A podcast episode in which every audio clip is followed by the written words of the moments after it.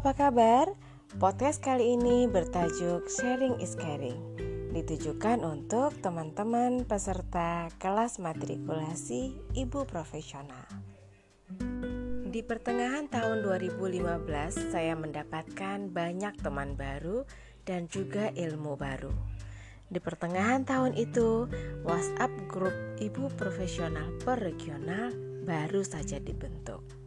Segera saja saya mendapatkan banyak teman baru yang semuanya memiliki tujuan yang sama, yaitu ingin menjadi ibu yang lebih keren. Ketika berkenalan, saya menemukan bahwa ternyata teman-teman baru saya adalah seorang yang ahli di bidangnya. Ada praktisi homeschooling kawakan, ada penulis buku, ada psikolog anak, psikolog klinis dewasa, dan juga berbagai pakar-pakar lainnya di bidangnya. Yang membuat saya jadi kagum bukan saja karena peran mereka di lingkungan mereka sendiri, namun kesediaan mereka membagikan ilmunya kepada teman-teman barunya di komunitas. Seorang dokter gigi akan membagikan ilmunya seputar pemeliharaan gigi balita. Demikian juga dengan teman-teman lainnya. Mereka dengan ikhlas membagikan pengalaman mereka yang berharga. Tidak hanya menceritakan materi, namun mereka juga sabar menjawab pertanyaan semua anggota grup. Mereka tetap semangat meski kadang pertanyaan yang dilemparkan kadang ajaib-ajaib dan unik. Wajar karena ibu-ibu mengalami berbagai situasi di rumah. Suasana di dalam grup senantiasa hangat dan akrab. Saya seketika menyukai teman-teman baru ini. Mereka juga perhatian, terutama mbak-mbak admin grup yang sabarnya seluas padang rumput belukar di Serengeti. Saya sangat menikmati suasana di grup dan membaca semua percakapan dengan bahagia. Hingga lalu muncullah perasaan yang asing. Hampir setiap orang adalah orang yang ahli di bidangnya. Tidak cukup sampai di situ, mereka lalu berbagi dan menyenangkan bagi banyak orang. Mereka sukses menjadi pihak yang bermanfaat bagi yang lainnya.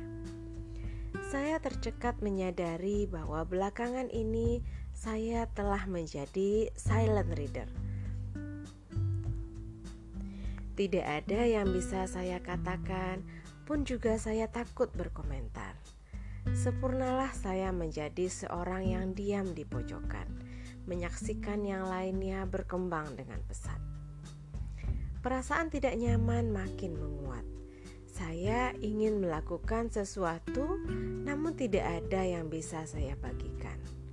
Antara subjek di SMA, jurusan di waktu kuliah, dan pekerjaan sekarang, semuanya tidak berhubungan tidak satu pun bisa dijadikan sumber kebermanfaatan bagi teman-teman. Tapi pada suatu hari, ketika salah satu admin kami yang ramah menawarkan untuk menjadi admin magang, entah keberanian yang muncul dari mana, saya lalu mengirimkan emotikon tunjuk tangan. Ketika saya ragu-ragu dan terpikir hendak menghapusnya, terlambat sudah saya telah resmi menjadi admin magang bersama dua orang teman lainnya. Salah satu tugas admin magang adalah menghubungi narasumber untuk keluar menjadi host keluar dan membuat resume diskusi.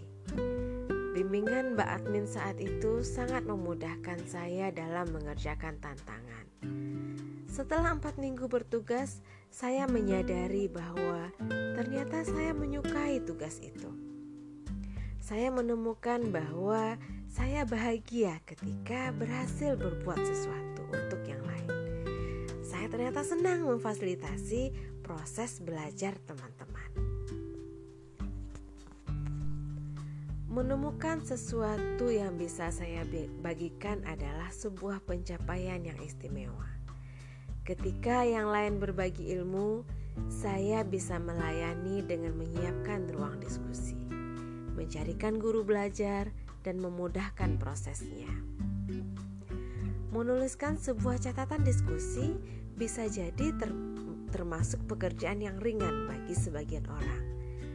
Namun bagi teman yang hanya punya sedikit waktu luang, sebuah resume diskusi akan sangat membantu. Ternyata berbagi itu bisa dengan berbagai cara. Berbagi memiliki arti kepedulian dan tersimpan cinta di dalamnya. Andai ada waktu sehari penuh beraktivitas, maka pada penghujung sore perasaan lega yang hadir di dada karena telah menjadi seorang yang Terima kasih karena telah mendengarkan. Semoga bermanfaat.